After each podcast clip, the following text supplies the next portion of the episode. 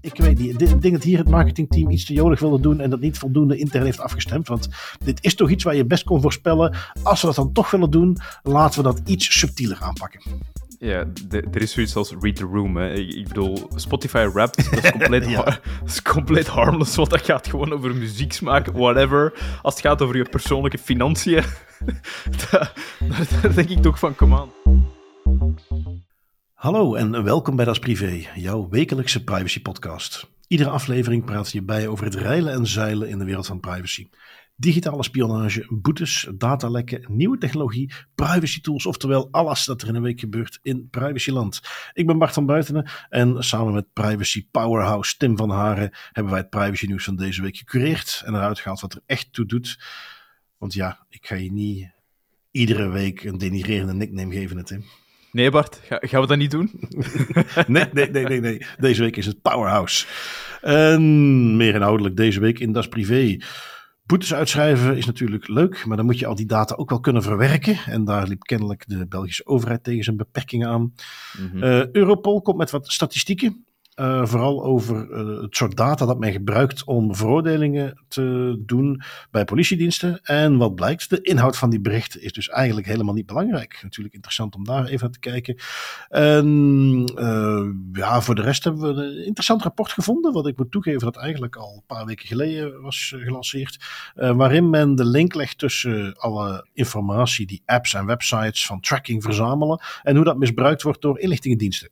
Dus daar, en met een mooi voorbeeldje van Vlaamse bodem zelfs. Dus daar kijken we even naar. Voor de rest hebben wij daarna nog heel wat nieuwsjes uit Amerika. Aangepaste wetgeving, datalekken, uh, weer nieuwe dystopische taferelen. En natuurlijk nog wat gewone datalekken en autoriteitennieuws. Dus wij zijn weer helemaal klaar voor een volle aflevering. Waar wij vorige week ten onrechte uiteraard zeiden van, goh, uh, hebben we wel genoeg om een uurtje vol te lullen. Uh, is het deze week, denk ik, dat wij weer ergens op de hand moeten gaan staan. Um, Goed, ik uh, trap af met een kleine update. want we hadden het al eens gehad, of we hebben al eens voorbij zien komen recent. Het, het, concept van push notifications en hoe inlichtingendiensten kennelijk ook data van push notifications gebruiken. En Apple heeft besloten om daar meteen iets aan te doen. Uh, ja, klopt. Uh, in navolging van die brief van die senator Ron Wyden, die naar buiten is gekomen, waarin eigenlijk ja, gezegd wordt van, kijk, die uh, grote partijen, en dan vooral Apple en Google, die zijn eigenlijk in de mogelijkheid, en die doen dat ook, om push notifications um, door te sturen naar ja, buitenlandse agentschappen. Um, is Apple nu heel stiltjes met een aanpassing gekomen van hun Guidelines for Law Enforcement pagina. Dus dat is eigenlijk een pagina waar de Apple zegt van oké, dit kunnen we wel doen, dit kunnen we niet doen wanneer het aankomt op het verlenen van bijstand in handhavingsverzoeken. Um, waarin zij de, de, de taal en de manier waarop het beschreven staat om um, ja, push notification, service tokens en, en alles wat erachter ligt om dat mee te geven. Uh, hebben aangepast.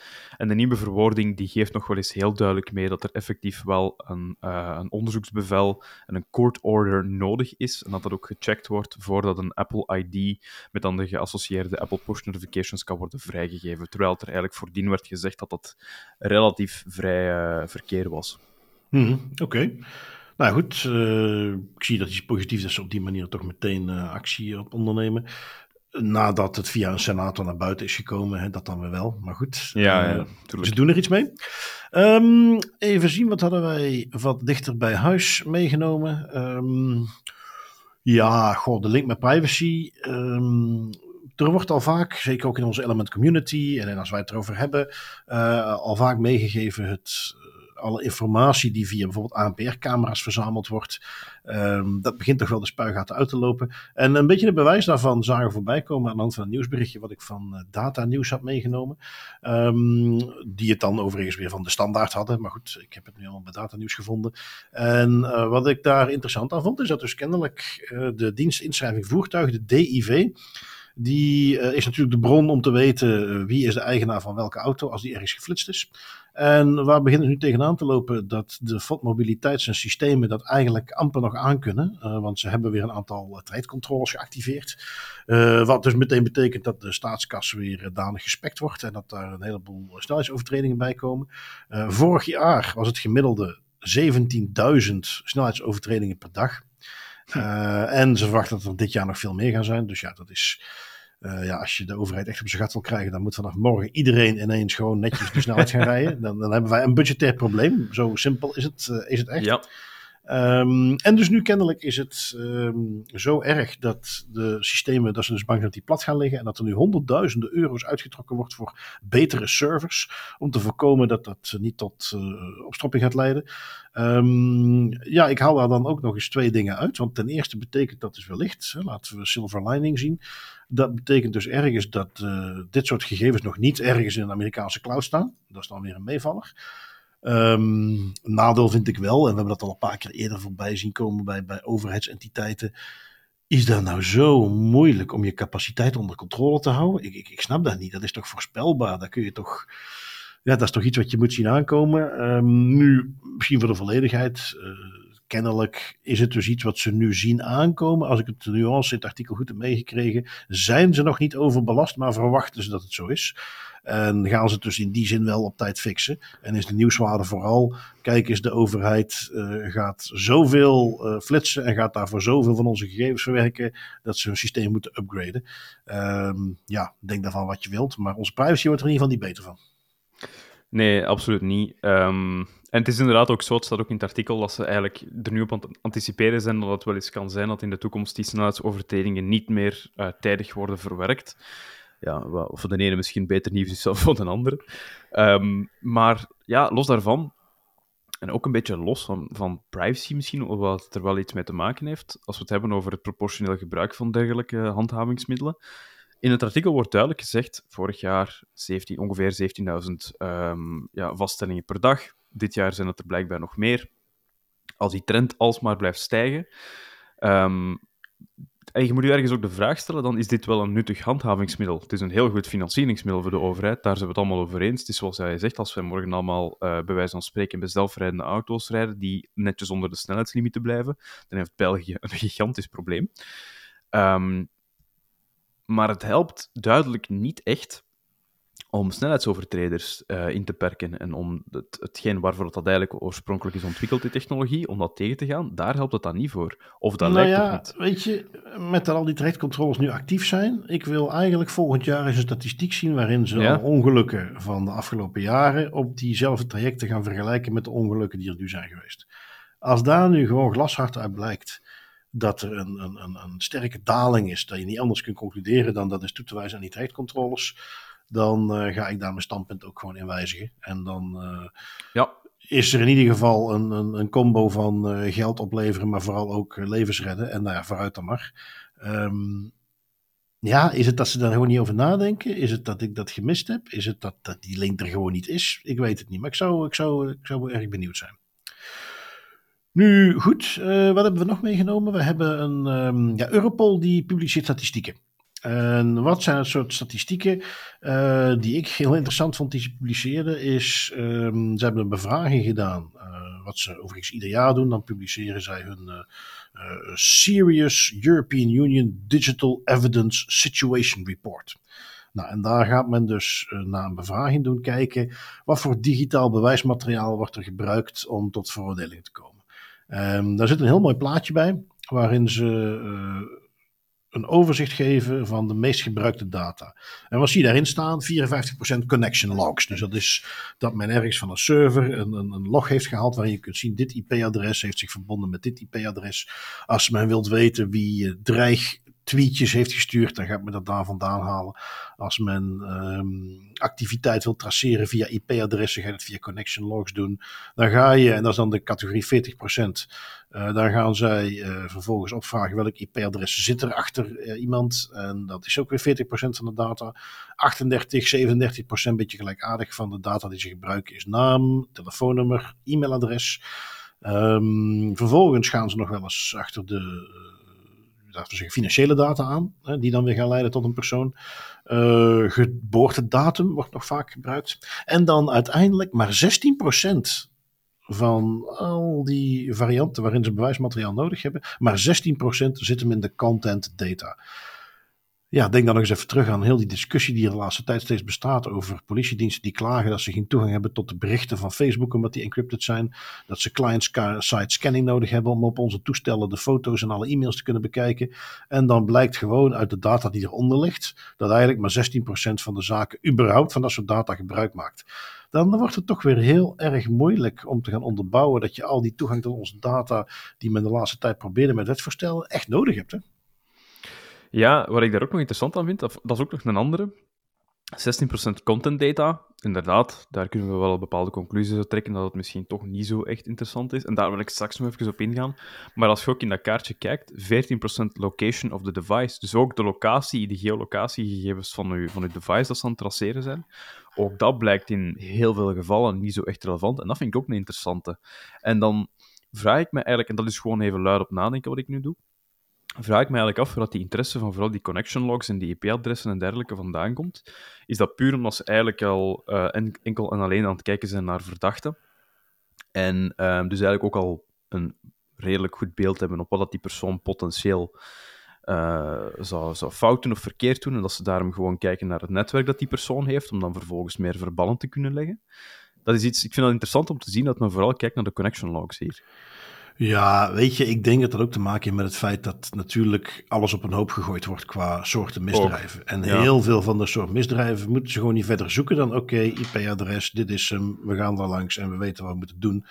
Um, het kan dus heel goed zijn dat een heleboel van die misdrijven die meegenomen worden in deze statistiek, dat het daar ook helemaal niet zinvol voor is om de inhoud te gaan bekijken.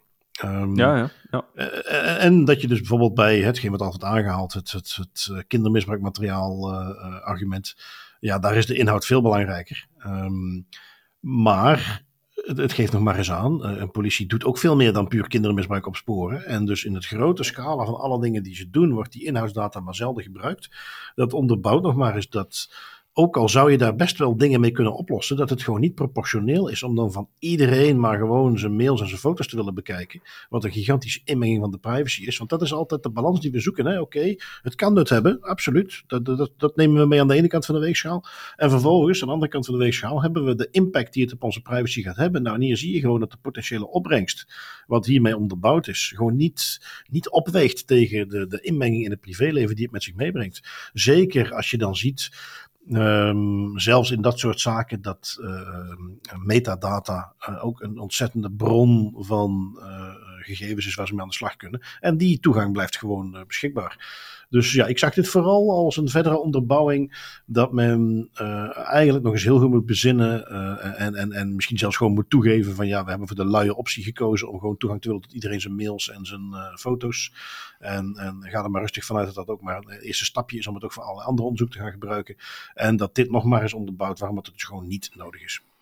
Ja, klopt. Het is, dat is vaak wel zo een argument dat aangehaald wordt tegen die client-side scanning en puur het, het um, surveilleren van content is... Ja, dat is gewoon een gigantisch sleepnet en dat is helemaal niet doelgericht. En meer een just-in-case oplossing, die dan um, helaas ook gigantisch de privacy schaadt van iedereen in Europa. Dus dan snap ik wel inderdaad die, dat, dat, dat dit gebruikt kan worden als argument om te zeggen van uh, misschien gaan we dat toch maar niet doen uh, rekening houden met het feit dat het zo weinig gebruikt gaat worden. Ja, ja precies, precies. Um, ik heb nog een spionnentopic, Tim. Jij weet, dat is een beetje mijn, mijn uh, hobbyprojectje. Yes, yes. Um, ja, gewoon het, het, het, volgen, hoe inlichtingendiensten elkaar in de gaten houden, wat ze doen met onze data. En nou goed, ik heb hier weer een mooie aanleiding om dat nog eens te bedden te brengen. Want um, ehm, ICCL, die Irish Civil Liberties. Nou ja, in ieder geval een of andere uh, non-profit organisatie waar uh, zeker Johnny Ryan zit, die wij al vaak voorbij hebben laten komen. Um, die ook vooral voor mij bekend zijn voor hun onderzoek naar real-time bidding. Um, mm -hmm. Real-time bidding, voor de mensen die daar niet mee bekend zijn, is uh, de naam voor het principe dat er gebeurt als jij op een website komt, dat er op de achtergrond een soort mini-veiling plaatsvindt, waarin adverteerders gaan bieden op jouw data.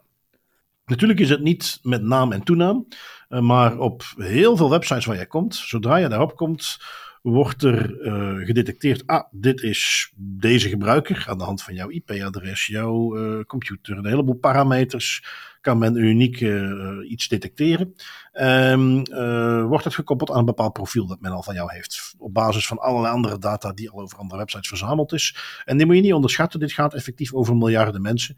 Um, en op de achtergrond, opnieuw allemaal in milliseconden uiteraard. Zodra dat jij als bezoeker gedetecteerd wordt, wordt er een veiling gestart. En kunnen alle aanbieders, alle adverteerders zeggen van ah, dit is iemand die die interesses heeft. Of wij uh, kunnen in ieder geval afleiden, die heeft een MacBook of wat dan ook. Alle data die ze hebben, die wordt beschikbaar gesteld. En dan kunnen de deelnemende partijen kunnen bieden en zeggen van ja, ik heb 0,5 cent over om uh, Bart deze reclame te laten zien. En dan komt er nog eentje die zegt nou, doe mij maar 10 cent. En et cetera, et cetera. En in die milliseconden wordt die uh, veiling afgesloten en krijgt de winnaar, mag mij reclame laten zien. Goed, dat, dat, principe was op zich al gekend. Dat is ook iets waar de, um, die uh, Ierse beweging uh, vaak het nieuws mee heeft gehaald. Wat ook hun onderzoek ligt ook aan de grondslag van een, bijvoorbeeld een boete van onze GBA. Um, wat zij nu hebben gedaan, is die bestaande kennis gaan linken met een inzicht wat ze nog niet eerder hadden. Maar wat wij bijvoorbeeld ook al eens mee hebben genomen in onze podcast. Namelijk inlichtingendiensten, ook buitenlandse inlichtingendiensten. Die schaffen die data aan. Want die data die is beschikbaar voor adverteerders. Ja, die wordt natuurlijk op allerlei manieren te koop aangeboden. Um, zeker inlichtingendiensten zijn perfect in staat om dat soort data dan ook te kunnen gaan koppelen aan individuen. Waar zo'n adverteerder nog zou kunnen zeggen van ja, ik zie alleen maar dat het een bepaalde gebruiker is en ik weet wel interesses in dit en dat. Maar welke fysieke persoon daar nou echt achter zit, dat weet ik niet. Maar als een inlichtingendienst die data pakt met alle andere data die ze hebben, ja, dan is dat dus iets wat, wat wel tot een persoon te herleiden is. En ja, wat uit het rapportje blijkt, hè, wat, wat we op zich al wel wisten, maar dat soort data dat af te leiden is in die real-time bidding, het soort data dat in die veiling wordt doorgestuurd, dat kan dus leiden tot informatie over iemands financiële situatie, mentale gesteldheid, uh, bepaalde uh, ja, intieme geheimen, noem het maar. Of het nu gaat over uh, dat jij gemarkeerd staat als iemand die over geboorte beperkingsmiddelen iets opgezocht heeft, of over zwangerschap, of over een bepaalde ziekte. Um, daar is dus natuurlijk van alles mee te doen. Uh, en wat de link die zij nu leggen is van ja, kijk, wij, wij hebben nu ons onderzoek wat uitgebreid en wij zien dat dit uh, iets is wat eigenlijk wijdverspreid ook wordt gebruikt door buitenlandse inlichtingendiensten die die informatie gebruiken om mensen te targeten, om uh, Europees, want dat zijn ook dingen die uit die data te halen vallen. Bijvoorbeeld werkt iemand bij een Europese instelling, werkt hij bij een bepaalde overheid, um, is het iemand die uh, een militaire dienstverband heeft. En opnieuw, dat is data die ook bijvoorbeeld naar Rusland en China wordt gestuurd. Um, waarom vond ik dit nu ook eens een mooie aanleiding om het erbij te halen? Is omdat we dus nu natuurlijk in België een heel mooi voorbeeldje hebben van waar iemand waar nu naar buiten komt, dat die, ja, hoe zullen we het zeggen, gebruikt is door de Chinezen om. Uh, de politiek in België te beïnvloeden. Nou, hoe men vanuit de inlichtingendienst besluit om iemand te benaderen, het soort data waar ik het net over had, wordt daar heel erg voor gebruikt. Dat is waarom het ook altijd wordt meegegeven, ziet het gevoelig is. Inlichtingendiensten doen niet liever dat, dat, is niet meer eh, van met een pistool tegen je hoofd. Nee, dat is heel subtiel. Zoeken wie gaan we benaderen. Uh, mm-hmm. Daar eh, die eerst eens een uitnodiging sturen. Eens een keertje langs laten komen. Eerst een klein stukje een opdrachtje laten doen. Uh, langzaam binnenhengelen. En dan op een gegeven moment komt de vraag. En als je daarop ingaat, kun je eigenlijk niet meer terug. Nou, het is um, de link die zij leggen. En, en, en, iets wat, wat ja, gewoon, je ook gewoon aanvoelt. Ja, dat, dat is zo. Uh, is dus van die data die in die, laten we zeggen, surveillance capitalism context wordt verzameld door al die techbedrijven. Die wordt ook gebruikt en is dus eigenlijk niet alleen een privacyrisico voor de consument, maar is ook een risico voor de nationale veiligheid. En ik zag dat dus dat linkje met uh, onze Vlaams Belanger, die uh, door de Chinezen werd ingezet. Ja, die vond ik wel heel opvallend en, en heel treffend dat dat zoiets is wat je misschien daar zelf naar kunnen herleiden. Omdat het gewoon heel makkelijk wordt gemaakt om te achterhalen wie gaan wij benaderen voor onze spionageactiviteiten. Ja, ja, en ik moet meteen denken, en dat staat ook in het, in het rapport. Het is trouwens een heel goed rapport, het is echt cool om er eens door te gaan. Maar om dat wat concreet te maken, hè, wat je met die real-time bidding data nu eigenlijk allemaal kunt doen en hoe ver dat kan gaan als het gaat over het vergaren van uh, compromat om dan vervolgens mensen te gaan blackmailen. Um, ze halen daar onder andere ook het voorbeeld aan dat wij, ik denk een jaar geleden hebben meegenomen over die katholieke priester in de Verenigde Staten, die dan um, heimelijk gebruik maakte van uh, apps om ja, homoseksuele relaties op te zoeken, uh, Grindr en dergelijke. Um, waar dan ook op een bepaald moment het bleek dat een conservatieve groep christenen, um, onder leiding van een aantal katholieke priesters, miljoenen dollars had geïnvesteerd in real-time bidding data van onder andere seks-apps en van dating-apps, om um, katholieke priesters in de gaten te houden en om te kijken of die mensen wel celibaat bleven of niet. En op die manier is men dus ook bij die ene priester uitgekomen, um, die dat dus niet deed en die dan ja, onder andere naar uh, badhuizen ging en dergelijke. En men heeft men dat allemaal kunnen achterhalen met die real-time bidding data en dan vervolgens die persoon ook gedwongen om ja, uit zijn ambt te treden en eigenlijk uh, oneervolle scène te verlaten. Mm -hmm. Maar op exact dezelfde manier als een gewoon willekeurige groep conservatieve christenen dat kan doen in Amerika, dan kan je er ook inderdaad 100% zeker van zijn dat inlichtingendiensten dat ook zeker kun kunnen en zullen doen um, om politieke leiders te beïnvloeden en politieke leiders te profileren. Maar ik vind dat wel een heel mooi voorbeeld dat dat ook concreet maakt van oké, hoe ver kan dat gaan en hoeveel informatie is er nu eigenlijk beschikbaar in die real-time bidding data. Dat gaat echt wel ver. Ja. Ja, en wat ik dan uh, leuk vind, als we het dan eventjes weer terugtrekken naar uh, de, de, de, de Frank Krijlman, is dan de, ja. de, de Vlaams Belanger die ze daarvoor gevonden hadden. Uh, of ik moet het goed zeggen, de, gedieerd aan Vlaams Belang. Ik geloof dat het zijn broer was die echt in de partij zelf zit. maar goed, een heel ver lijntje is het niet, want het is ook zeker iemand die in de politiek zat. want die kreeg dan bijvoorbeeld berichtjes van zijn Chinese handler, hè, de, de, de inlichtingofficier die toegewezen is aan hem om hem te, te managen. En dan krijgt hij rechtstreekse verzoekjes, zoals van hey, wij willen graag informatie over schandaaltjes. Of wij willen graag dat uh, er is zo meteen een, uh, een bezoek uh, waar uh, Europa naar Beijing langskomt. En we willen graag Olaf, nee, het was German Chancellor Olaf Scholz die naar China ging. En dan werd aan Krijlman gevraagd om twee rechtse medeleden van het Europees Parlement, om die publiek iets te laten zeggen over ja, de Verenigde Staten en Amerika. Die zijn de Europese energiepositie aan het ondermijnen door de conflict te zoeken met China. Zodat het dan in de publieke opinie komt en je op die manier de, de diplomatieke gesprekken kunt beïnvloeden het is, ik vind dat fascinerend om te zien hoe op die manier uiteindelijk werd herleid tot persoonsgegevens die via die tracking-achtige toestanden worden verzameld. Uh, men uiteindelijk op die manier ons democratisch bestel aan het beïnvloeden is. Mm-hmm. Wij zeggen dat wel vaker en dan wordt dat wat weggezet, of kan dat weggezet worden als de privacyactivisten die weer eens doorslaan. Maar het is echt niet te onderschatten wat voor een machine er schuil gaat achter al die dataverzameling. En als ik dan wel eens hoor, ook wel eens van sommige mede-privacy professionals, van ah, die cookies, dat is toch allemaal niet zo interessant. Ja, dat is wel het basismechanisme wat aan de grondslag ligt van die dataverzameling. Dus toch iets wat niet uh, te onderschatten is, vind ik. Nee, nee het, is, het is de bigger picture zien en beseffen dat ja, die datapunten, um, puur, puur in een microscopische schaal over jou, daar kun je inderdaad de vraag van stellen van oké, ja, uh, hoe uh, impactvol of hoe baanbrekend is dit? Het is, de, het is de schaal waarop die data wordt bijgehouden. Het is de combinatie van data die verzameld wordt via één cookie met dan andere cookies in het gebruik van apps en het delen van locatiegegevens in een andere app, dat allemaal in één grote pot wordt gestoken en gecombineerd kan worden. En dat is wat ik hier het interessantst aan vind.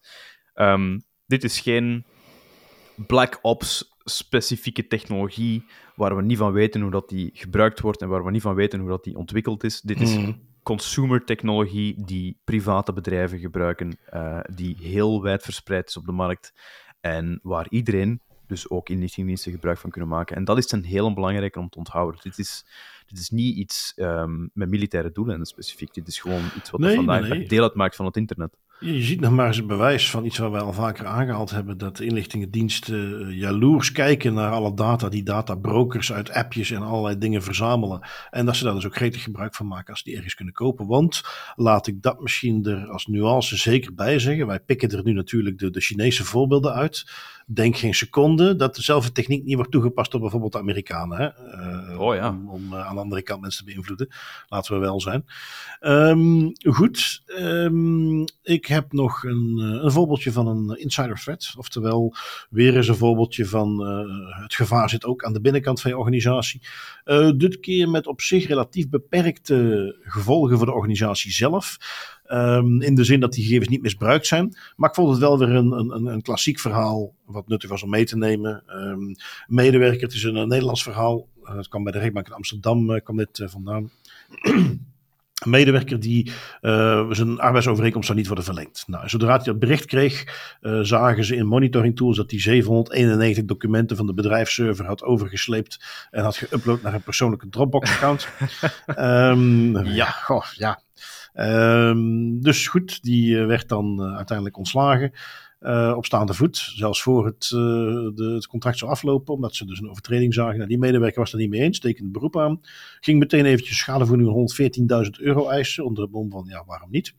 Um, die okay. uh, persoon beweerde van, ja, van die 791 documenten, dat waren allemaal persoonlijke documenten, maar 60 daarvan waren eigendom van het bedrijf waar ik voor werk, prologisch kennelijk. Um, en ja, dat zijn mijn eigen aantekeningen klassiek dat je die eventjes uh, in dat soort documenten hebt staan en die even binnensleept. Um, de rechter was dat niet helemaal mee eens. Die zei van, kijk, waar jij dat niet goed kunt aantonen wat je hier vertelt, kan het bedrijf wel voorbeelden van 220 documenten laten zien die minimaal eigendom zijn van het bedrijf. Dus ja, nee, de ontslag was terecht. En, en dat is degene die ik even wilde highlighten, omdat dat iets is wat vaak vergeten wordt in privacyland. Um, omdat men dan vaak zegt, ja, wij kunnen onze medewerkers, we kunnen heel weinig doen om het te monitoren, want dat mag allemaal niet van de GDPR. Hier gaat men heel duidelijk bij Prologis, bij dat bedrijf, in een policy voorzien wat ze wel en niet konden bijhouden. Dat konden ze ook aan de rechter laten zien. Ze konden ook laten zien, die medewerker was daarvan op de hoogte. Um, dat is het klassieke argument wat vaak in dit soort zaken door de medewerker zelf dan wordt gebruikt. Is van ja, ik was niet op de hoogte. En we hebben ook relatief recent nog een voorbeeld gezien waarbij een ontslag werd teruggedraaid. Omdat de medewerker was ontslagen op basis van informatie die ze eigenlijk niet hadden mogen verzamelen. Nou, hier was dat dus wel allemaal goed geregeld. En dan zie je hoe nuttig dat het kan zijn. De rechtszaak uh, of de schadevergoeding is niet uh, toegekend. Uh, ze vinden hier dat de werkgever eigenlijk gewoon gedaan heeft wat hij kon doen. En dat het volledig de medewerker zelf is, wiens probleem dat is. Klein extra sausje dat ik er nog even overheen wil gooien, is uh, hou dit soort dingen in gedachten. Uh, als er dus heel recent, uh, ik denk een paar dagen geleden, door Dropbox werd aangekondigd dat zij een samenwerking met OpenAI en dat op het moment dat jij gebruik maakt van hun fancy technologie, AI-implementatie in je Dropbox-omgeving, wat het ook mogen zijn. Ik geloof dat ze verwezen naar dingen zoals samenvattingen maken en bullet points. dat op dat moment die data ook al even wordt doorgestuurd naar OpenAI. Dus dat nog eens een extra reden is waarom je niet wilt dat mensen dat soort dingen op een, uh, op een Dropbox gaan zetten. Ja, dat, uh, dat zie ik zelf ook in de praktijk, dat dat een redelijk grote uitdaging aan het worden is voor heel veel um, DPO's. Is het idee dat heel veel van de technologie die vandaag de dag gebruikt worden, frequent binnen de typische kantooromgeving, uh, daar begint men zo AI-plugins overal in te steken. En het is op den duur heel moeilijk om nog te, te weten of te kunnen controleren van oké, waar gaan onze data nu eigenlijk allemaal naartoe? Want de ene na de andere service zet nu een AI-integratie in of maakt gebruik van de API's. En dan vaak hier in het geval van Dropbox is het denk ik ook, het is een opt-out, dus by default staat hem aan, waarvan Dropbox dan zelf zegt, ja, we willen natuurlijk dat onze gebruikers een eerste goede ervaringen met die AI. En als ze het niet willen, dan kunnen ze het afzetten, wat dat ook al ja, vragen oproept vanuit een data protection by uh, default perspectief. Um, daarnaast, insider threats, it's a real thing. Hè. Um, dat is iets wat dat in mijn ogen nog altijd een zeer ongewaardeerd, ondergewaardeerd en onderschat risico is in heel veel organisaties. En ik snap ook ergens waar dat vandaan komt, want dat houdt eigenlijk een beetje impliciet in dat je een gezond wantrouwen hebt tegenover de gemiddelde persoon. Niet per se tegen één individu, maar gewoon in het algemeen tegen wat iemand kan doen als die een goede bui heeft, maar ook als die een slechte bui heeft. Um, en dat is een moeilijk gesprek om te voeren, maar ik vind dat wel iets waar je ja, bij moet stilstaan. Als, zeker als je werkt in een omgeving met gevoelige gegevens, je bent bezig met mensen die kunnen domme dingen doen. Die kunnen iets doen waar ze niet goed bij stilstaan. En dat kan voor problemen zorgen. En daar moet je gewoon bewust van zijn en je daar tegen wapenen. Ja. Doet mij ook denken als een kleine side note, maar ik zie dus nu zoveel bedrijfjes, allemaal AI-bedrijfjes. En als je dan gaat kijken onder de motorkap, draaien die allemaal op Open AI. Daar wordt toch ja. Een beetje hetzelfde als allerlei, dat wij nu zien dat heel veel van onze infrastructuur van onderwijs, justitie, noem het maar op, onze ministeries, overheid, dat die allemaal op Amerikaanse clouds draaien. Ja, straks draait er dus een hele berg aan appjes waar iedereen nu heel gretig gebruik van maakt. Draait allemaal op Amerikaanse AI-tools. Toch ook iets waar men eens over na moet denken, is dit nu wel zo handig? En puur als bedrijf zijn, ik ben een start-upje, als mijn hele model afhangt van het gebruik van iemand anders zijn software, en als die ooit zouden zeggen, wat dan ook, we stoppen ermee of het wordt duur, dat heel mijn businessmodel onder druk staat. Ja, dat is toch iets waar ik zelf niet echt om zou uh, staan te springen. Ja, en, de bestaansreden van die organisaties is ook helemaal niet verzekerd, want um, tijdje terug heeft OpenAI een update uitgevoerd waarmee dat je eigenlijk eigen GPT's kunt maken. Dus eigenlijk eigen kleine chatbots die een specifiek doel met dan een specifieke achtergrond en ook wat kennis ehm, ja, proberen te bereiken. En dat heeft gewoon voor een heleboel van die AI-startups hun bestaansreden weggevaagd, omdat die eigenlijk alleen dat deden, een, een iets gefocuste of meer doelgerichte versie van ChatGPT. Maar nu gaat OpenAI dat in hun eigen platform aanbieden. Ja, nou, wat je nu ziet is dat ze dus een platform aanbieden waar zij zichzelf als de basis zetten en waar allerlei bedrijfjes daar hun versie van kunnen maken. En die komt dan in de OpenAI Marketplace, die ergens volgend jaar, begin volgend jaar beschikbaar komt. Neem er maar gif op in dat het niet lang gaat duren voordat zij de meest populaire van die appjes die daarin staan, dat zij dat gaan integreren in OpenAI. Net zoals Amazon analyseert wat de, de populairste producten zijn en dan hun eigen huismerk eh, die producten laat namaken. Dus uh, ook dat is strategisch. Maar goed, het is geen business podcast. Startupjes mogen lekker zelf doen wat ze daarmee willen. Als langzaam opletten dat er geen gevoelige of persoonsgegevens in meegaan, dan uh, zijn wij daar op zich nog redelijk gerust in. Um, even zien, wat hebben wij nog? Uh, ja, eigenlijk mag het geen enkele aflevering ontbreken. Dystopische taferelen in Amerika. Op wat voor manier worden dan nu weer gegevens van mensen te grabbel gegooid, Tim? Ja, we, kunnen het zo gek niet bedenken en uh, ze, ze gaan ons altijd weer verrassen, want deze keer ook. Je kent in Amerika, wij, wij kennen in, in België en Nederland, wij hebben het concept van een apotheker. Dat is een winkeltje, je kunt daar naartoe gaan, je kunt daar eigenlijk alleen maar medicijnen kopen en misschien wat verzorgingsproducten en that's it. En het is vaak um, voorschrift. En het is, het is vaak gewoon, er zijn een aantal dingen die over de counter beschikbaar zijn, maar bijna alles is op voorschrift. Um, in Amerika werkt dat systeem iets anders. Daar heb je zo ja, ketens zoals CVS, Rite Aid, Walgreens. En dat zijn wat opgepompte on-steroid supermarkten, waar dan ook een gigantische medische afdeling aan vasthangt, waar je ook dokters hebt in-house, zodat je langs kunt gaan. Dat is, dat is verbluffend. Dat is een heel andere manier van werken. Um, maar door de manier waarop dat eigenlijk in elkaar zit, ja, die hebben ook heel veel uh, medische data over hun klanten. Je kunt dan naar een dokter gaan, die dokter schrijft iets voor, en dan gaat dan naar de andere kassa en dan pakt je pillen mee en dan ga je naar huis. Dus ja, die hebben een heel dossier over hun klanten. En wat blijkt nu? Um, de privacywetgeving, dan specifiek het stukje HIPAA, um, de Health Insurance Portability and Accountability Act, dat is eigenlijk een stuk wetgeving in de Verenigde Staten, een federale wetgeving, die erin voorziet dat toch als het gaat over medische data en gezondheidsdata, dat dat een bepaalde vorm van bescherming heeft. Um, die biedt eigenlijk zeer weinig tot geen bescherming wanneer dat opnieuw politie- en inlichtingendiensten uh, informatie komen vragen aan dergelijke partijen, zoals een Walgreens of een CVS. Uh, het is een artikel van Arts Technica waar ze eigenlijk hebben onderzocht en waar ze kunnen bevestigen dat uh, handhavingsautoriteiten en inlichtingendiensten relatief gemakkelijk, heel vaak ook zonder effectief een, een arrestatiebevel of een warrant, um, informatie, inclusief volledige medische dossiers, opvragen aan die partij dat die partij dat ook vrijgeven. Dus je moet je dat voorstellen als je de, ja, analogie wilt trekken naar Europa, dat ze willen zeggen dat, om het eventjes door te trekken, de politie naar de huisdokter gaat en zegt van ik wil het uh, medisch dossier van Tim van Haren en de huisdokter daar geen enkel probleem in ziet en dat gewoon vrijgeeft zonder ook maar enige verificatie of controle van een bevel of een gerechtelijk document. En ja, dat, het, is, het is een woord dat misschien soms wel zwaarwichtig wordt gebruikt, maar ik denk dat we hier wel kunnen spreken van een dystopisch tafereel.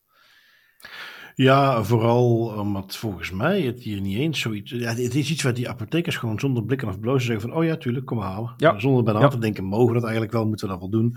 Want Klopt. ik denk dat ook zelfs in Amerika dat dat überhaupt niet kan. Maar ja, laten de politiediensten gaan daar geen twee keer over nadenken. Uh, als die dat gewoon een keer komen vragen en jij geeft het mee geen enkel probleem. Uh, zo weet ik ook dat dat bijvoorbeeld ook maar wat dichter bij ons, maar dat is ja, dus steeds de politie komt het vragen. Hoe vaak ik wel niet de vraag heb gekregen, ah ja, maar we hadden hier iets en toen is de politie naar camerabeelden komen kijken en ze wilden daar een kopie van.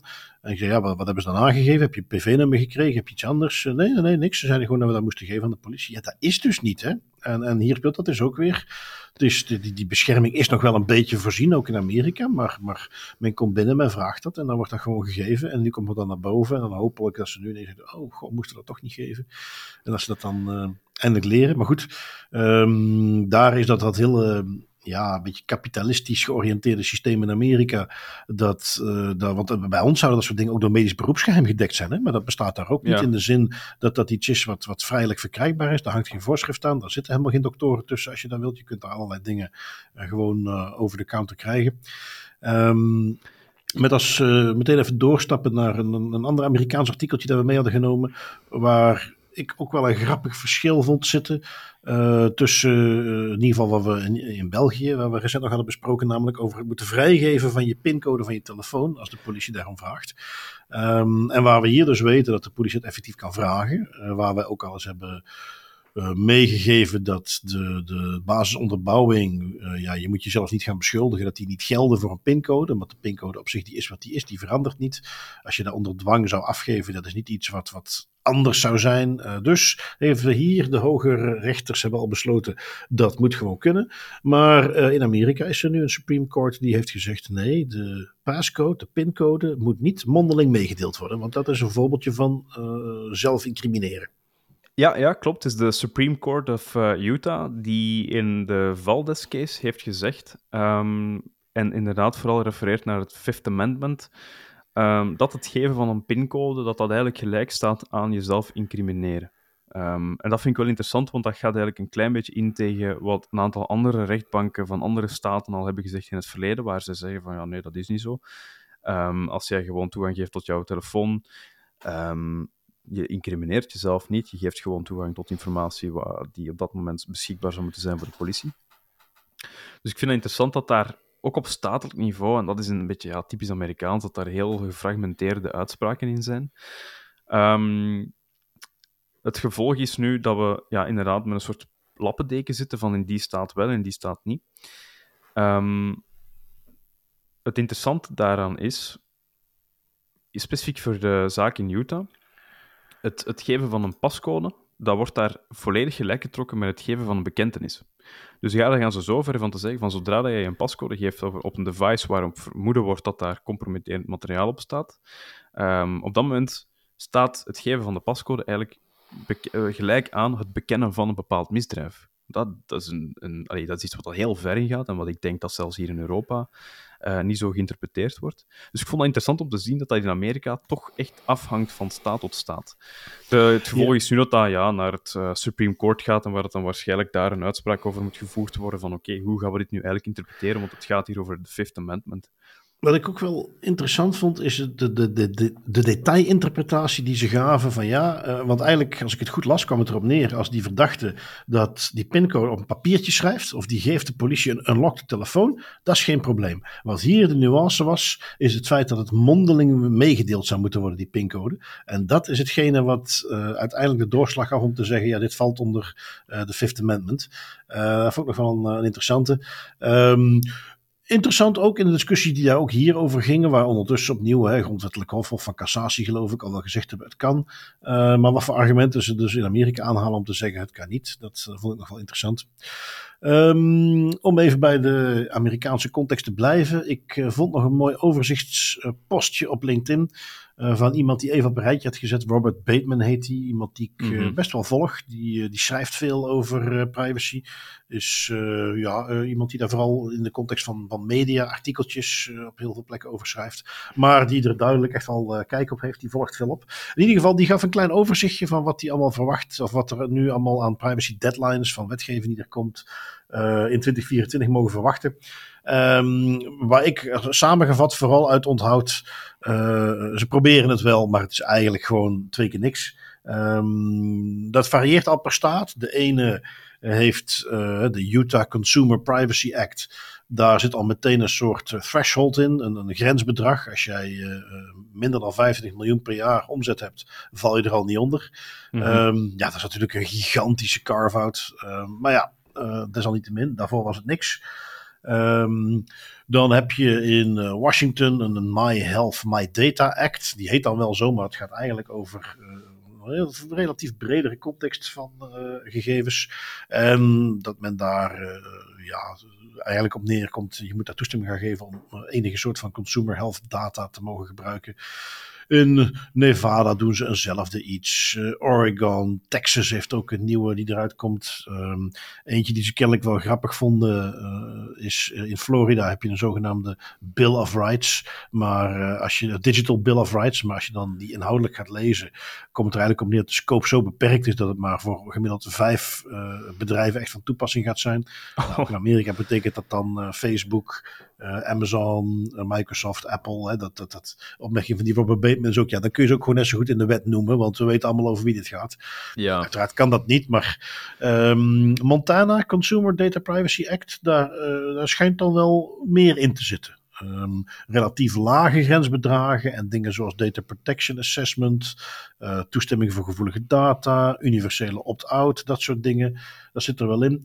Um, maar ja, dat is, ik, ik, ik moet toegeven, uh, Amerikaanse privacy professionals, als je een beetje over de staten heen federaal wilt aanpakken, ik heb met je te doen. Want uh, waar wij met de GDPR gewoon een overkoepelend framework hebben, waar genuances afhankelijk van de sector ook wel nationale wetgeving is die ook nog impact op heeft, maar de grote overkoepelende wetgeving is hetzelfde. En ja, daar gaan ze dus in Amerika, zeker als je deze lappendeken nu ziet, daar gaan ze gewoon echt niet in slagen, die federale wetgeving. Het gaat er niet komen, denk ik.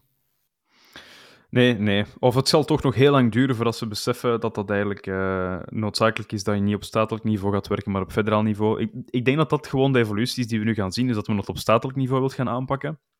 En dan ergens beseft van, ja, nee, dat is eigenlijk toch iets dat niet, dat, dat niet werkt. Een beetje zoals Europa ergens ja, een paar uh, tien jaar geleden die inzichten heeft gehad. Wat ik ook, en dat, dat is gewoon een inzicht dat ik had, wat ik ergens wel grappig vind, is um, het idee van privacy en met rust gelaten worden en alles wat daar rondhangt.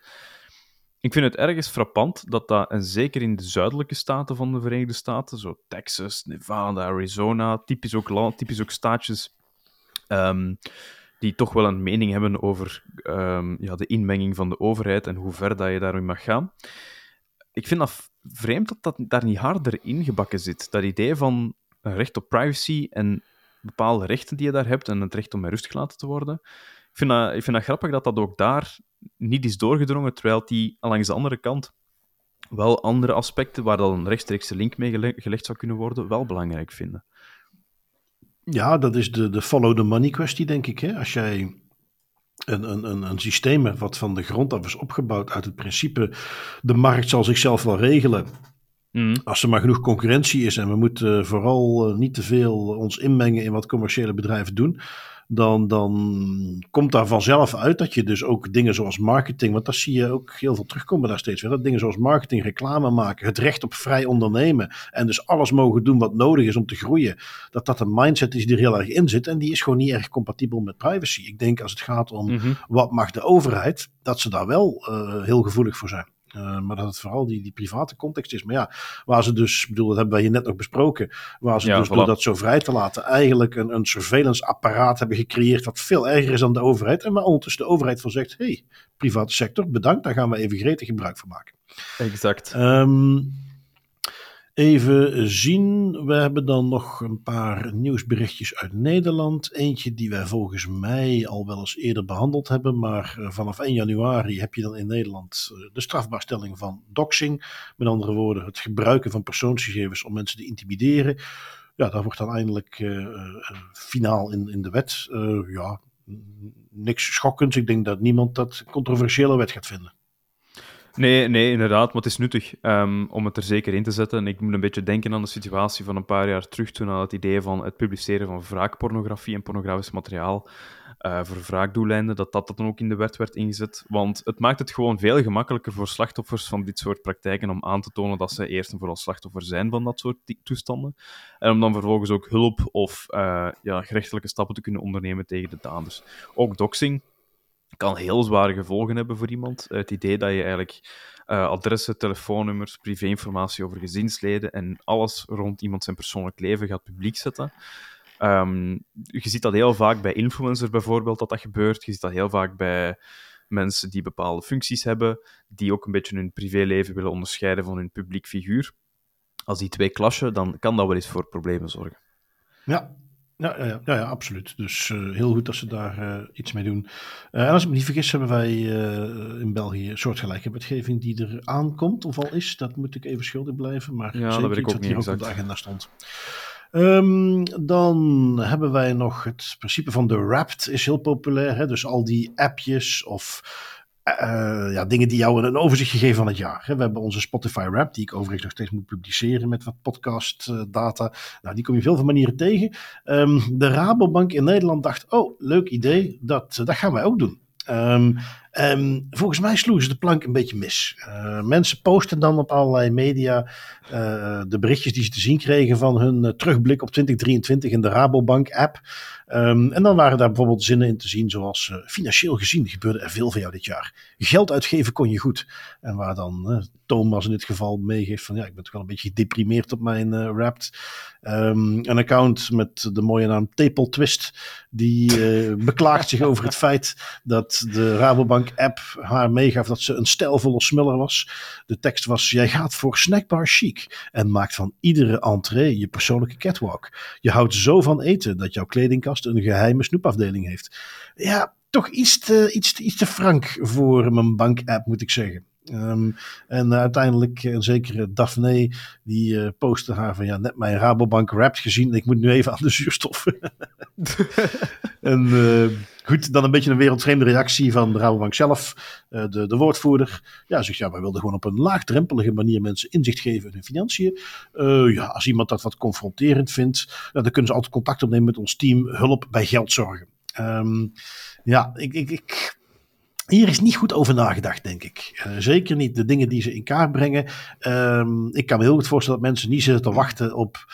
Um, en, en, en dit zijn nog de, de, de iets wat jolige dingen, hè? maar het is niet zo ver gezocht om te denken dat iemand die al een beetje in de put zit die zich al niet goed voelt. Die misschien, ik noem maar even wat, weet van ja, ik geef veel te veel geld uit aan eten, maar ja, ik kan het maar niet overwinnen en ik ben zo dik. En dan boem, komt op het scherm ook nog eens de Rabobank, die jou eventjes met je neus op de feiten duwt en zegt van, ah, wij zien dat jij wel heel veel, eten of heel veel geld aan eten uitgeeft.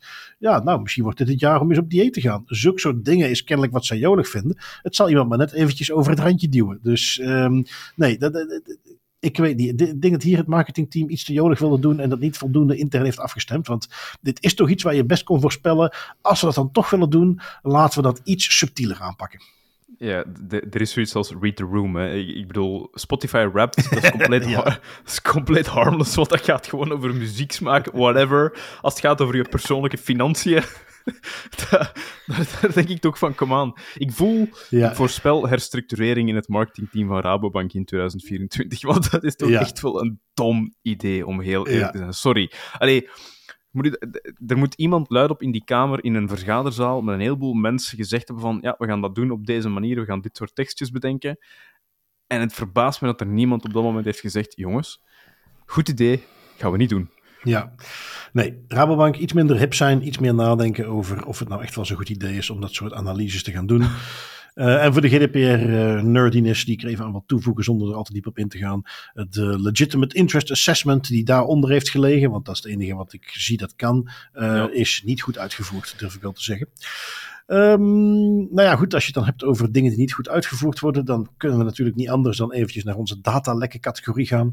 We hebben er toch wel een aantal. Um, uh, we hebben nog eens een voorbeeldje van een uh, ziekenhuis. In dit geval een uh, ziekenhuis in Rotterdam, het Icasia ziekenhuis. Die moeten ook morgen, dat is een artikeltje van gisteren, dus vandaag nog allerlei afspraken schrappen vanwege een netwerkstoring. Um, de oorzaak van de storing is nog niet duidelijk. Specialisten zijn nog steeds op zoek naar de oorzaak. Een hack kan volgens het ziekenhuis niet worden uitgesloten. Nou, laat me je even helpen. Dit is een hack. Um, nou goed, niet gespeend van insider info natuurlijk. Het zou uiteraard kunnen zijn dat er een of andere ontraceerbare netwerkstoring is. Die echt alleen maar een netwerkstoring is. Een IT'er die in de verkeerde kamer een, uh, een, een, een internetkabeltje heeft ontplukt. Maar gelet op de historiek en, en wat we op andere plekken zien, en als er zo grootschalig systemen uitvallen, is het toch veel voor de hand liggender dat dit gewoon weer de zoveelste cyberaanval is. Nou ja, laten we daar niet al te zeer op vooruitlopen. Ik, ik, ik heb het eigenlijk nu wel even gedaan, maar geef gewoon de nuance mee. Het kan best dat hier naar de hand nog uitkomt dat het echt gewoon netwerkstoring was. Maar ja, zo zie je maar weer. Uh, om dan weer eventjes heel kort terug te grijpen op die nieuwe Europese wetgeving NIS 2, waar nu de zorgsector zonder uh, uitzonderingen volledig onder valt. Daar lijkt mij volledig terecht. Ja, ja. Uh, About time ook. Ik, ik, blijf het altijd heel gek vinden dat dat zo lang een discussiepunt was. Toch in België, ik weet niet of dat in Nederland ook was, maar um, dat dat in België een, een heel groot discussiepunt was van ja, vallen ziekenhuizen er nu onder, ja of nee, en andere zorgverleners. Dat zijn essentiële dienstverleners in een oh, maatschappij. maar pas op. pas op, dat is nog niet afgelopen. Hè? Ik Nee, heb nee, nee, ik weet het, dat is- vernomen dat Ja, ja. een van de eh, bekende, eh, ja, hoe moet ik het noemen, eh, sectorfederaties, Zorgnet Icuro, wanhopig aan het zoeken is in teksten of zij niet ergens, ze hebben iets gevonden, wat volgens mij nergens op slaat, maar ze zouden iets gevonden hebben waarbij ze zeggen, ja, maar kijk, als we dat zo en zo en zo lezen, kunnen wij misschien toch zeggen dat voor bepaalde instellingen die lange termijn zorg verlenen, de NIS niet van toepassing is. Nou, ben heel benieuwd, maar ik snap de, de ja, dat is dan gewoon Waarom omdat vanuit. Wel, ik, ik snap wel waarom in de zin. Ik vind dat geen goede reden, hè, maar de waarom is omdat die door hun leden worden aangespoord. Jongens, vind iets, want wij zijn hier niet klaar voor. Dat gaat allemaal geld kosten. We hebben geen budget en we kunnen dat allemaal niet gaan doen. Ehm, nou, dat, dat zijn de verkeerde redenen. Eh, Mhm, dat, dat, ja. dat- en ik, ik, ik weet dat dat nu heel eh, populistisch klinkt.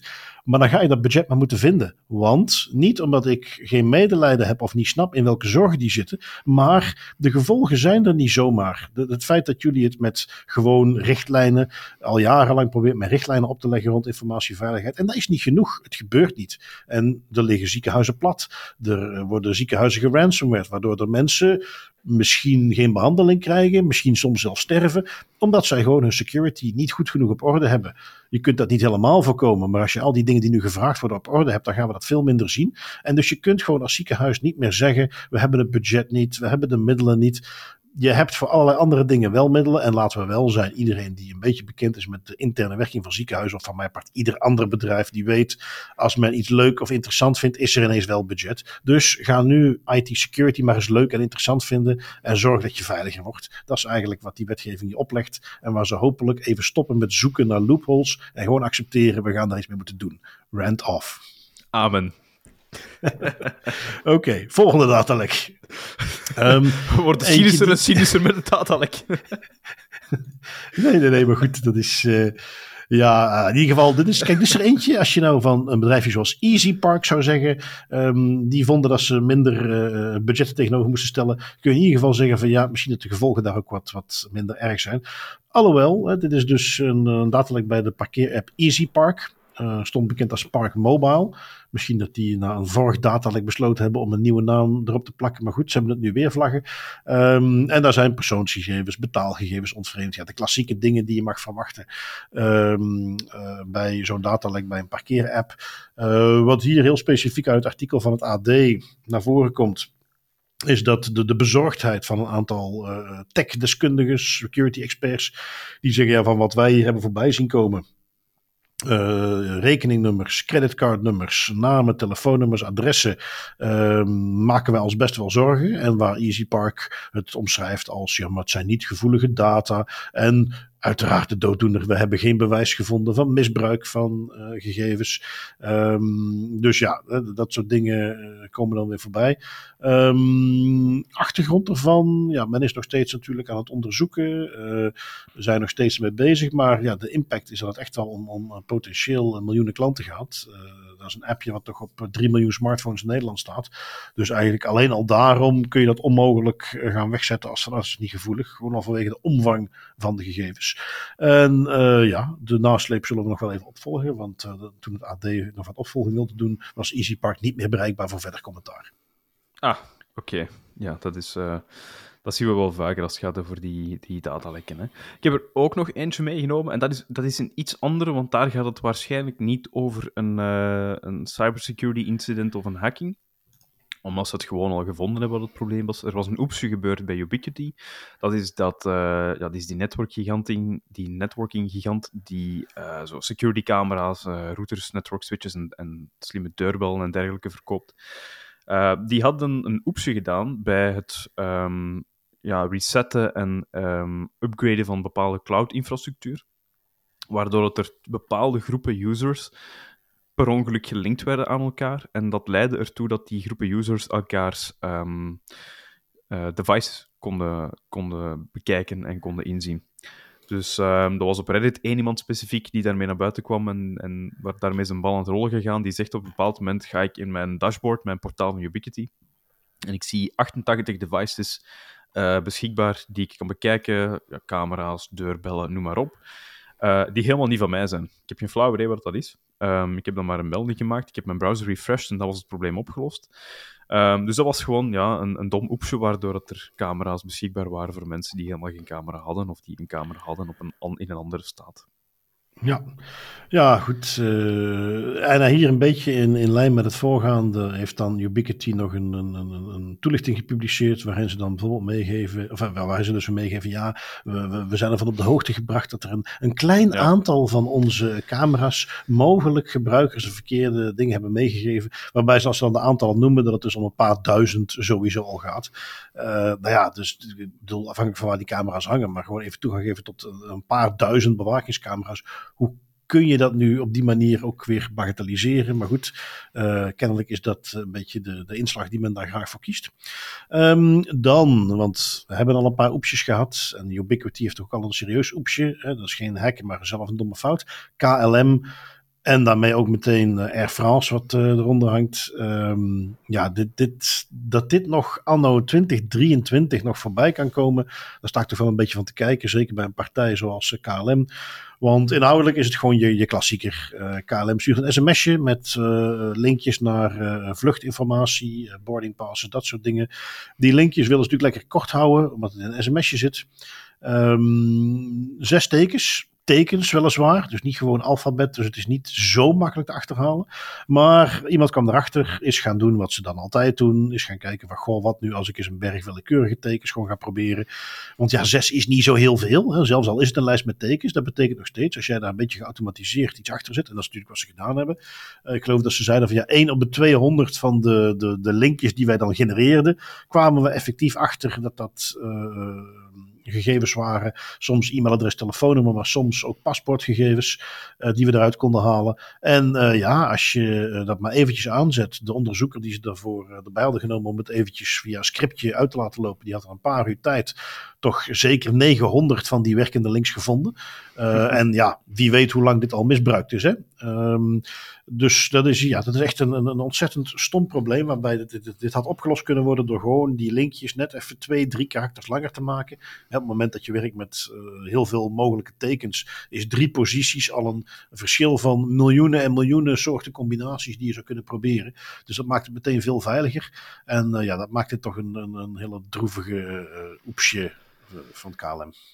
Ja, ja, een amateurfout van een bedrijf dat beter zou moeten weten eigenlijk. Hè. Uh, ja, ja, ja, dat mag je hopen. Hè. Ik neem aan dat uh, KLM uh, nou niet bepaald een, een klein security ja, voilà. teampje heeft. maar ja, goed, misschien hier ook weer de klassieke fout. Is dat security team dan wel betrokken op het moment dat ze deze feature maakt? En dan zal het antwoord dan hopelijk nee zijn, want niemand zou hier zijn sign-off voor geven. Nee. Goed, dat geeft ons de ruimte om meteen door te gaan naar de autoriteiten. You will respect my authority! En dit keer ja, wat meer over schadevergoeding. Um, valt, ik heb een Duitse meegenomen. Um, niet superveel over te vertellen, behalve dat ik het gewoon steeds interessant vind op het moment dat. Een, en in Duitsland blijkt dus dat ze daar toch wat gretig mee zijn. Um, blijkt dat uh, men toch veel sneller geneigd is om te zeggen: ja, op het moment dat jij uh, betrokken bent in een datalek, uh, of dat men bijvoorbeeld jouw recht op inzage niet uitvoert, dan heb je recht op een bepaalde beperkte schadevergoeding. En in dit geval heeft een Duitse rechtbank, dus niet eens een autoriteit, heeft een Duitse rechtbank um, 500 euro schadevergoeding opgelegd. Um, is wel iets wat onderhevig is aan inflatie. Uh, of toch in ieder geval het, het, zomaar vrijgeven van uh, schadevergoedingen. Uh, want volgens mij heb jij er ook nog eentje meegenomen, maar dan meer van het, het Europees Hof van Justitie. Hè?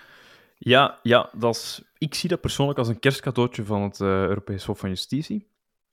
Waarom? We hebben het al in het verleden een aantal keer gehad over schadevergoedingen. Er was recent nog een, hof, een, een arrest van het Hof van Justitie Um, waarin ze zeiden van oké, kijk, ja, immateriële schade, als je dat wilt laten compenseren, als we dat laten, laten vergoeden, dan moet je dat eigenlijk wel kunnen aantonen. Je moet dat ook op een individueel niveau kunnen aantonen. Daar zijn ook een heel aantal class action lawsuits mee gekelderd in Nederland met die uitspraak.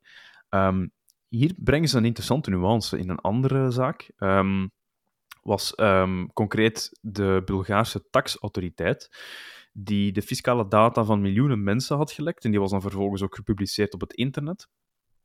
Um, En dat een van die personen die dan ja, deel uitmaakte van dat lek, die is dan ehm, door een aantal rechtbanken gegaan met het argument van kijk, ik uh, wil hier een schadevergoeding, ik, wil hier, ik heb hier immateriële schade geleden door dit datalek, door het feit dat dat publiek online stond. Um, dat kan niet. En het Hof heeft daar een interessante interpretatie aan gekoppeld. Als het gaat over een immateriële schade, wat dat per definitie heel lastig is om te pinpointen. Immateriële schade is, ja, ik heb hier stress van gekregen, ik voel mij niet goed door. Um, iets wat het Hof nu ook zegt, is immateriële schade kan ook betekenen dat een datasubject, iemand van wie dat de persoonsgegevens gelekt zijn, uh, zich zorgen maakt. Um, en alleen al het feit dat die data gelekt is, zonder dat je ook kan aantonen dat er vervolgens iets um, fout mee is gebeurd, dat kan vervolgens ook al voldoende zijn um, om aan te tonen dat er immateriële schade is gelekt, als dat betekent dat die persoon um, zich zorgen daarover maakt of angstig is over het feit dat die data misbruikt zou kunnen worden. Dus dat vind ik op zich een interessante. Gewoon al het idee, de angst dat persoonsgegevens misbruikt zou kunnen worden door het feit dat dat nu publiek online staat, dat kan al voldoende zijn om immateriële schade aan te tonen en vervolgens ja, uh, een vergoeding te vragen of over te gaan tot andere sancties. Ja, misschien voor de volledigheid wel even meegeven dat het hier nu gaat over een uh, opinie van de advocaat-generaal. Dat de uiteindelijke ja. uitspraak die moet nog komen. En wat ik vooral heb onthouden, en dat is wat we bij het Europees al vaker zien, is dat ze hier dus meegeven van ja, het kan best zijn dat ook al is er voor de rest niks aan de hand, of, of nou, qua, qua aanvullende schade, dat gewoon de overtreding op zich al voldoende reden is.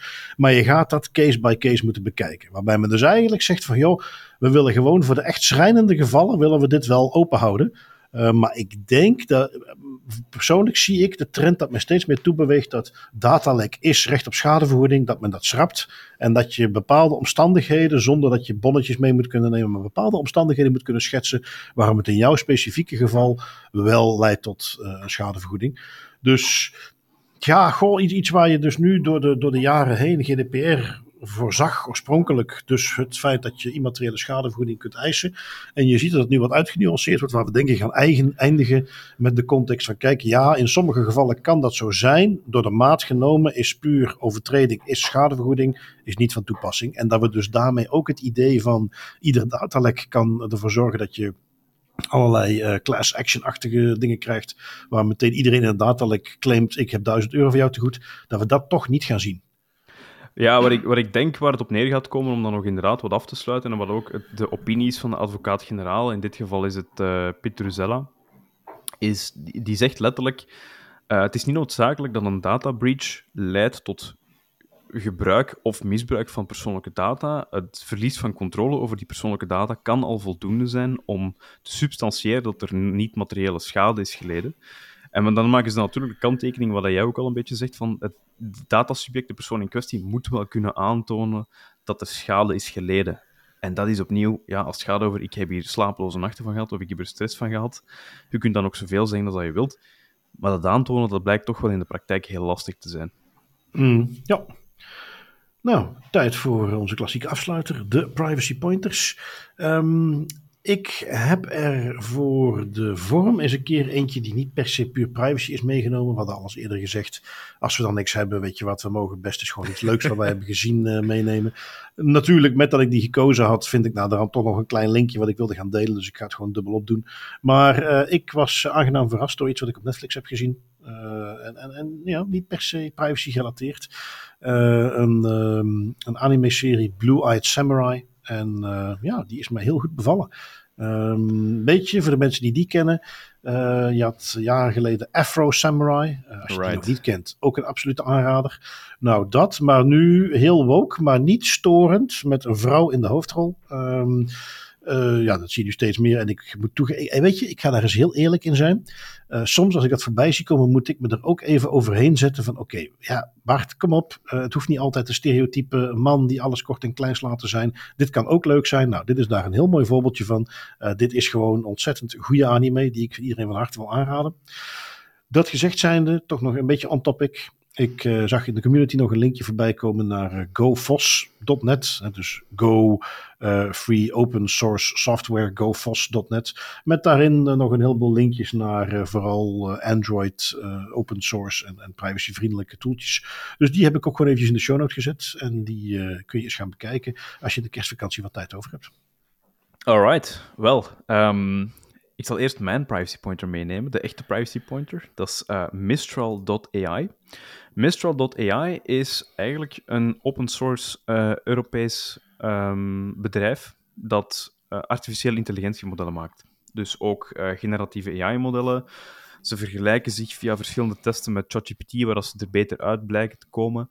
Um, ik neem hem vooral mee omdat ik het interessant vind en omdat ik altijd wil benadrukken dat er ook voor ja, AI-giganten zoals ChatGPT en dergelijke, dat er alternatieven zijn van Europese bodem, open source. Kan heel interessant zijn om die AI-modellen te gaan gebruiken. Kan nog interessanter zijn en duurzamer zijn om dan ook eens te gaan kijken naar de verschillende modellen en het feit dat die heel open en transparant zijn. Want AI, uh, ChatGPT is nog altijd een closed source project. Je hebt wel een idee van wat er allemaal uh, gaande is, maar onder de motorkap is het nog altijd heel onduidelijk. Mistral AI heeft daar een andere inkijk in. Wel, uh, Mistral AI is een van de redenen ook waarom de Fransen heel lang dwars lagen bij het goedkeuren van de AI Act. Omdat ze niet het risico wilden lopen dat ze hun eigen AI-groepje nu eens uh, spaken in de wielen gingen gooien. Uh, ja. Maar ja, opgericht overigens door oud-Googlers en mensen die van Facebook komen. En als final dingetje, wat ik overigens, ga ik wel even meegeven, heb gehoord op de Computerclub podcast. Als je de naam van de drie oprichters achter elkaar zet, de achternaam, dan krijg je LLM als uh, ja. afkorting. ja. Fun fact. Een glitch in de Matrix. Um, daarnaast, ja, ik was heel geïnspireerd door het feit dat je dan ook nog eens een anime meepakt. Ik durf dat ook wel eens te bekijken. Dus ik heb gewoon mijn favoriete anime van dit jaar meegenomen. Ook op Netflix, Cyberpunk Edge Runners. Een link met alle topics die we hier bespreken. Bespreken in die zin dat het Cyberpunk-universum, als je het dan zo wilt noemen, dat is heel dystopisch. Dat is heel... Um, corporations die de wereld zo gezegd hebben overgenomen. En daar gaat van alles mis. En dat is gewoon super cool om dat eigenlijk op die manier ook eens te zien. Ja, absoluut. Ja, wat dat betreft, die link eh, kan ik niet leggen. Bij mij is het uh, feudale Japan uh, waar het over gaat, dus dat gaat het hem niet worden. goed, Tim, hebben wij ons geheel zoals voorspeld niet gehouden aan het binnen een uur houden. Het is wat langer geworden, maar hey, weinig mis mee. dit wordt, als ik me niet vergis, de laatste aflevering van het jaar, dus dan sluiten we daar mooi mee af. Voilà. En dan wil ik onze luisteraars bedanken. Dit keer ook eens om ja, een heel jaar weer naar ons te luisteren voor sommigen. Uh, we zullen de rap-statistieken eens publiceren, hoeveel mensen dat nu uh, zijn. En uh, Tim, jij ook weer bedankt. En ja, wij gaan dit niet volgende week, eigenlijk wel, maar wij gaan dit volgend jaar gewoon nog eens opnieuw doen. Oh, ik wist niet of dat we het gingen doen, maar ja, ik zal het dan inderdaad ook maar doen. Zoals altijd weer met heel veel plezier en tot volgend jaar. Jee.